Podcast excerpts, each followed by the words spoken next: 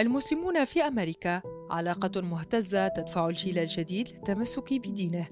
مقال على موقع نون بوست. لا يسلم المجتمع الأمريكي من نقيصه الجهل بالإسلام ومبادئه الأساسية.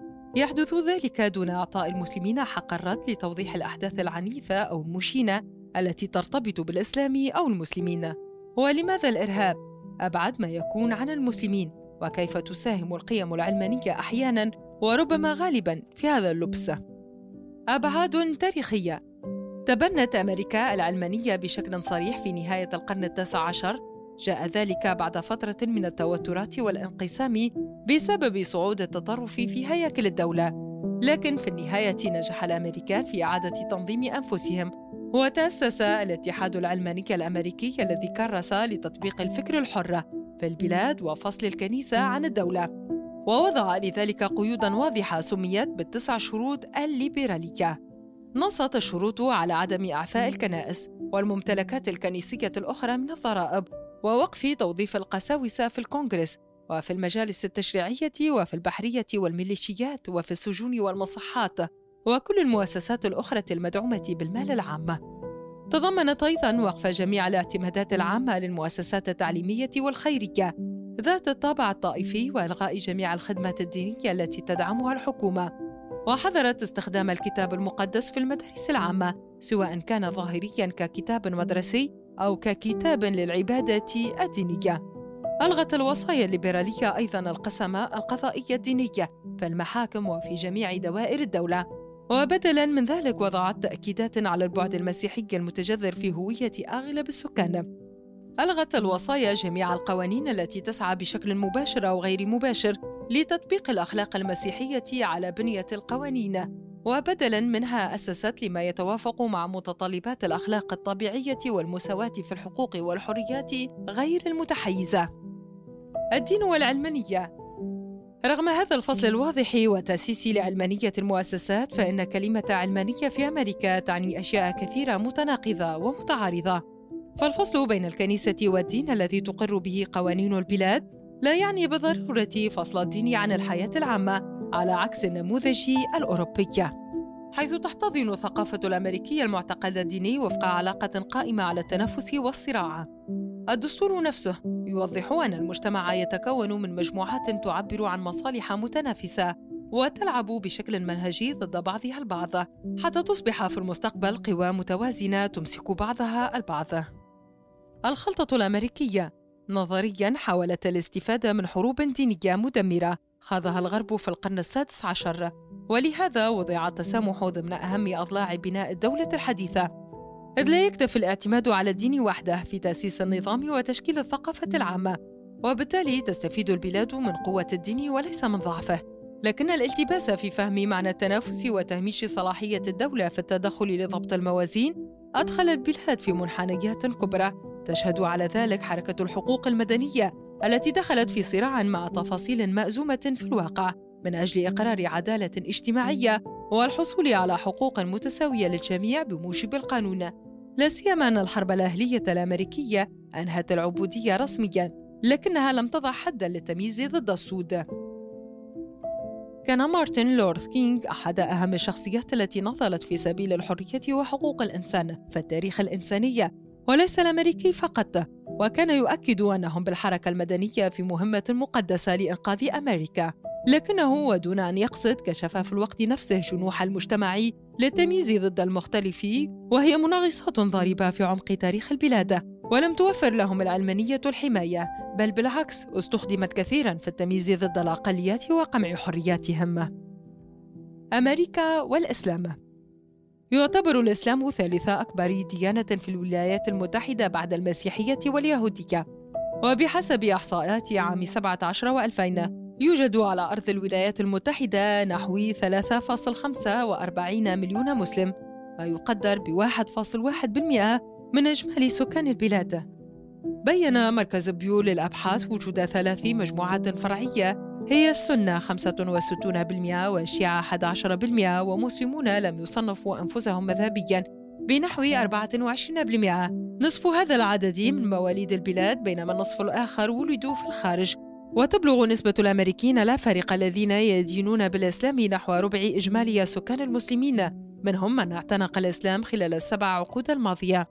يعود تاريخ المسلمين في أمريكا إلى القرن التاسع عشر. معظمهم كانوا من التجار والمسافرين والبحارة لكن ازداد عددهم بشكل كبير في القرن العشرين بسبب معدل المواليد المرتفع نسبيا والهجرة من الشرق الأوسط وإفريقيا وجنوب شرق آسيا. يعيش المسلمون في أمريكا حياة ليست صعبة إلى حد كبير ومن السهل رؤية الملابس المحتشمة والحجاب في مناطق مختلفة من الولايات المتحدة وكذلك من المنتجات الحلالة كما توجد كلية فنون ليبرالية إسلامية في بروكلي وكاليفورنيا. ومدرسة دراسات عليا في كليرمونت كاليفورنيا. ويزدهر النشاط المجتمعي ويقيم النشطاء المسلمون تحالفات مع المجتمعات المهمشة الأخرى. صعد العديد منهم إلى مراتب متقدمة من الحياة العامة. منهم من وصل للبرلمان مثل الصومالية الأمريكية إلهان عمر التي ترتدي الحجاب في مجلس النواب الأمريكي عن ولاية مينيسوتا وهناك مسلمان غيرها في الكونغرس. خاض البعض الآخر انتخابات الكونغرس للعام الحالي. وتعتبر مدينة كاليفورنيا أفضل واحات التعددية في البلاد التي تكافح دائما لخلق بيئة تتمتع بترحيب غير متحفظ للجميع بما يمكنهم من تحقيق طموحاتهم وبشروطهم الخاصة. علاقة مهتزة. لكن هذه الطفرة في حياة المسلمين بأمريكا لا تقول أن كل شيء على ما يرام. فالعلاقة مهتزة للغاية منذ أحداث الحادي عشر من سبتمبر حيث ينظر للمسلمين من وقتها بريبة كبيرة. وزاد من هذه الأزمة لعب الساسة على إزكاء المخاوف من الإسلام في محاولة للاستفادة من الصدمة الكبرى للجمهور مما حدث وهو ما ساعد على تنامي المواقف السلبية تجاه الإسلام والمسلمين. يساعد في نمو هذه الإشكالية عقلية العناد المعروفة عن الشخصية الأمريكية. التي تجعلهم يتمسكون بما لديهم من صور نمطية سلبية عن المسلمين دون إعطائهم حق الرد أو إعادة النظر في التفسيرات التي تطرح من المسلمين لتوضيح ما يحدث من إرهاب ولماذا هو أبعد ما يكون عن المسلمين. يخلط الكثير من الأمريكيين بين المسلمين والإرهاب. ظاهرة الهوس باستغلال هذه الظاهرة لزيادة الشعبية السياسية والاجتماعية تتنامى بسرعة. والكثير يتربح من الإيحاء بأن الأقليات على شاكلة المسلمين في حاجة ماسة لمراقبة صارمة هذه الاضطرابات التي تهدم أسس العلمانية ومزاعمها كانت الأساس الذي صنع عليه قانون باتريوت وهو تشريع قاس يزعم توحيد وتقوية أمريكا عبر توفير الأدوات المناسبة لاعتراض الإرهاب وعرقلته من خلال توسيع قواعد الاشتباه وتكبيل الحريات. يوفر القانون الحماية التشريعية لمراقبة المسلمين والمساجد والمدارس الإسلامية والمنازل الخاصة دون غيرهم، مما يفتح أبواب محاكم التفتيش على مصراعيها والتنقيب في النوايا والضمائر، وهو ما أدى تلقائيا إلى زيادة حادة في جرائم الكراهية ضد المسلمين. ويمكن القول أن الرئيس الأمريكي الأسبق جورج دبليو بوش كان صاحب المبادرة في هذه الهستيريا من خلال تبنيه ضرب بلدان إسلامية لمحاصرة الإرهاب ومن يوفر له المأوى. ولم يكتفي بذلك بل هدد بشكل واضح الدول ذات الأغلبية المسلمة التي خيرها إما بالتعاون مع واشنطن وإما التعرض للقصف وإعادتها إلى العصر الحجري الإسلام أقوى.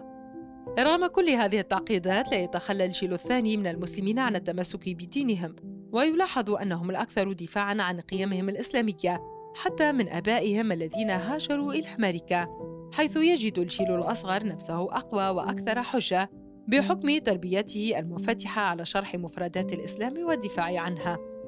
يرفض شباب المسلمين الاستسلام إلى بيئة علمانية تتزايد فيها حدة العداء له، ويتبنون استراتيجية دفاعية تجعل من التمسك بالدين رأس حربة عدالة قضيتهم.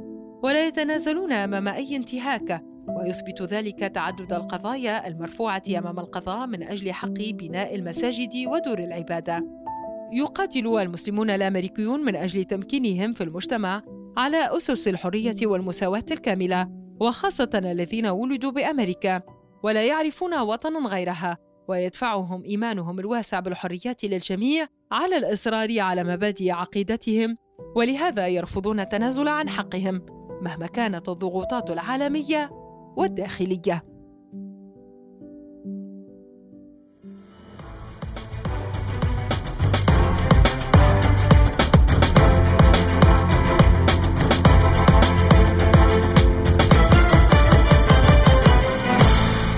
صدى نور.